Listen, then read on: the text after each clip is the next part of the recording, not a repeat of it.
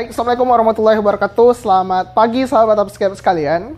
Kembali lagi bersama Yaumil pada kesempatan kali ini. Yaumil akan membahas terkait dengan salah satu topik diagnosis yang sering keluar saat uji kompetensi, yaitu adalah diagnosis keperawatan sistem eliminasi. Nah, pada kesempatan kali ini, sahabat Upscape sekalian, bahasan atau topik-topik yang akan kita pelajari itu adalah pertama disfungsi motilitas gastrointestinal. Ada lagi konstipasi dan yang ketiga ada lagi berkaitan dengan gangguan eliminasi urin di mana nantinya Yemi akan jelaskan lebih lanjut mengenai retensi urin dan inkontinensi urin.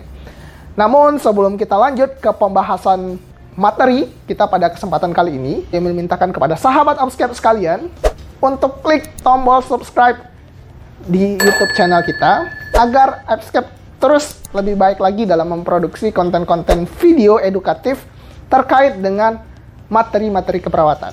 Oke, sahabat upscape sekalian, kali ini kita masuk berkaitan dengan turunan dari disfungsi keperawatan sistem eliminasi. Di antaranya ada disfungsi motilitas gastrointestinal, ada lagi konstipasi dan gangguan eliminasi urin yang nantinya akan dibagi menjadi dua.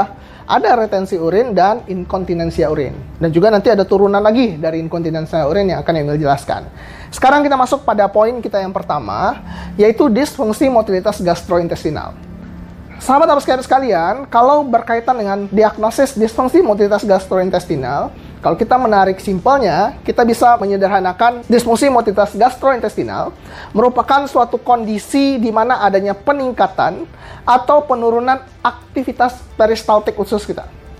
Jadi ini adalah suatu kondisi di mana adanya peningkatan atau penurunan aktivitas peristaltik usus yang nantinya berpengaruh terhadap pengeluaran defekasi kita. Apakah bentuknya nanti berupa diare ketika terjadinya hiperaktivitas peristaltik usus atau bisa jadi ke dalam bentuk konstipasi efek dari penurunan aktivitas peristaltik. Namun, identik dari disfungsi motilitas gastrointestinal ini adalah data pendukung atau data utama diangkatkannya diagnosis ini, pertama adanya kram abdomen, adanya kram abdomen, flatusnya tidak ada, terus kemudian juga ditandai dengan kondisi hipoaktif atau hiperaktif peristaltik usus. Itu dia bagian dari disfungsi motilitas gastrointestinal. Nah, turunan dari disfungsi motilitas gastrointestinal ini, sahabat upscare sekalian, pertama adalah diare. Kalau terkait diagnosis diare itu sudah kita bahas di pembelajaran kita sebelumnya. Silahkan dilihat kembali. Dan kali ini Yamil akan bahas turunan dari diagnosis disfungsi motilitas gastrointestinal ini yang kedua, yaitunya adalah konstipasi. Konstipasi ya. Jadi jangan ada lagi yang beranggapan bahwasanya diagnosis konstipasi itu merupakan diagnosis medis. Diagnosis konstipasi juga ada di diagnosis keperawatan, di standar diagnosis keperawatan Indonesia. Nah, apa itu yang disebut dengan konstipasi, sahabat upscare sekalian? Jadi, dalam penegakan diagnosis konstipasi ini terdiri dari tiga data utama. Pertamanya adalah pengeluaran feses yang sulit dan tidak tuntas. Jadi fesesnya sulit keluar dan tidak tuntas. Kemudian bentuk fesesnya itu kering, konsistensi fesesnya itu kering dan keras. Terus kemudian frekuensi BAB-nya itu, frekuensi defekasinya itu kurang dari dua kali dalam satu minggu. Bahkan bisa tidak sama sekali BAB. Itu yang kita sebut dengan konstipasi. Ya, saya ulangi sekali lagi. Diagnosis konstipasi itu ditegakkan jikalau terdapat data-data masalah. Pertama, pengeluaran feses yang sulit dan tidak tuntas. Kemudian frekuensi defekasi kurang dari dua kali dalam satu minggu. Terus kemudian fesesnya kering. Itu dia konstipasi. Nah, jadi turunan konstipasi ini merupakan turunan dari disfungsi motilitas gastrointestinal yang merupakan kondisi yang tidak tertangani dengan baik lagi efek dari penurunan aktivitas peristaltik tadi. Ya. Jadi secara simpelnya kita bisa membayangkan bahwasanya konstipasi ini terjadi akibat hipoaktifnya peristaltik usus. Hipoaktifnya peristaltik usus yang nantinya berupa data feses sulit keluar, kemudian frekuensinya kurang dari dua kali dalam satu minggu, dan konsistensi fesesnya keras.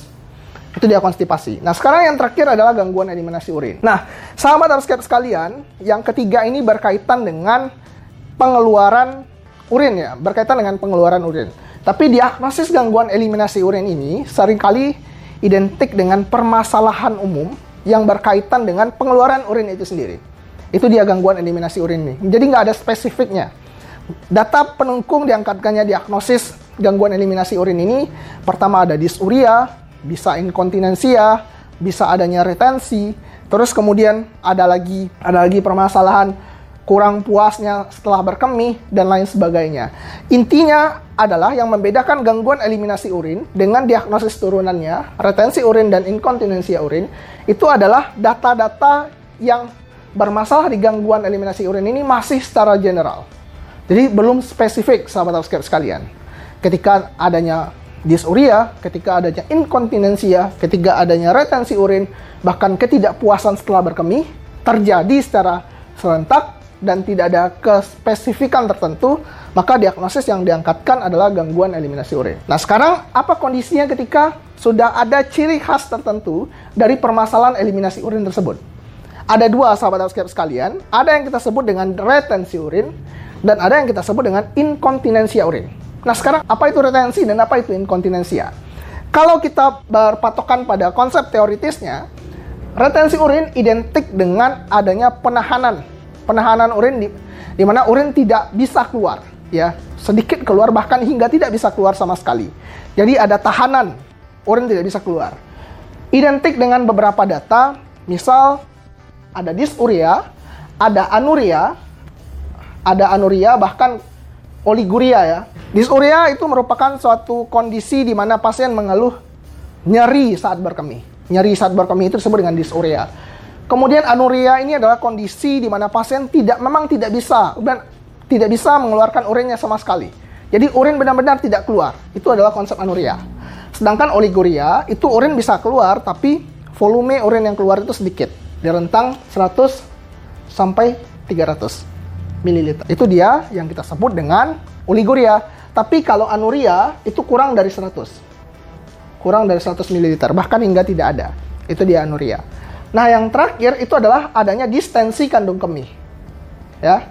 Adanya distensi kandung kemih yang merupakan salah satu ciri dari diangkatkannya diagnosis retensi urin. Nah, dari retensi urin ini, sahabat upscape sekalian, selain retensi urin maksudnya, itu adalah masalah inkontinensia urin yang identik kita sebut dengan pengeluaran urin yang tidak yang sulit dikendalikan.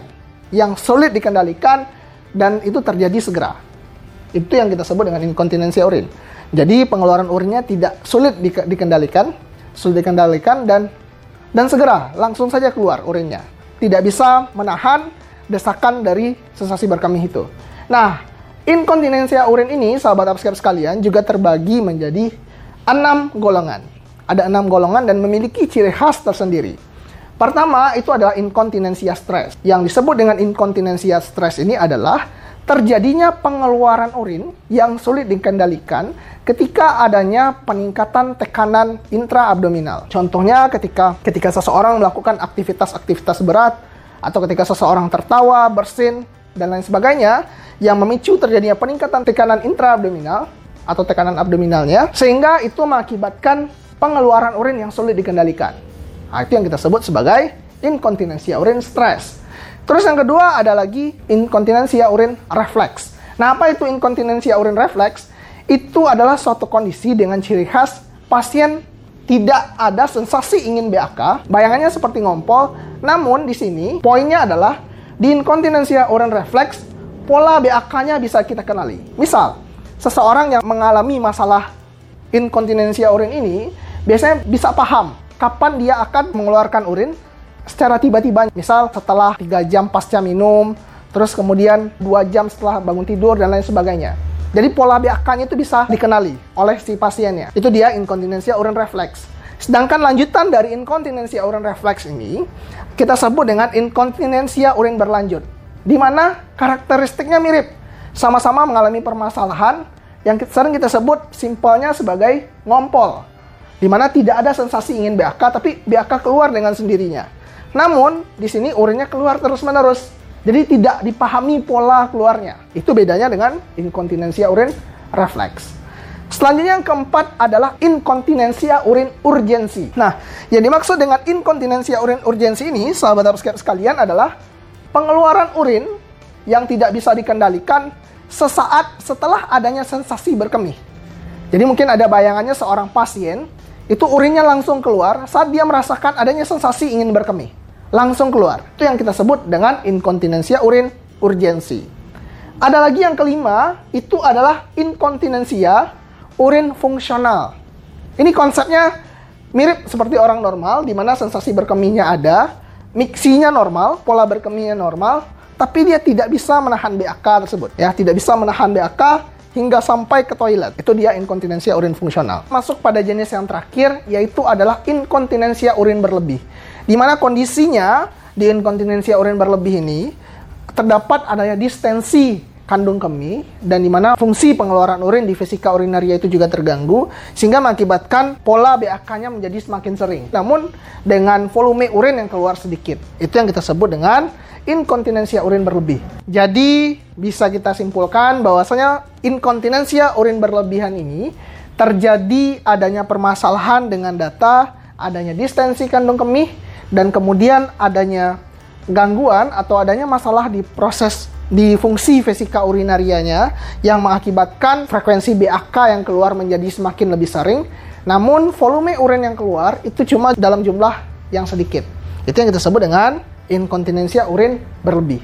Adanya distensi, BAK sering, dan kemudian volume urin yang keluar sedikit.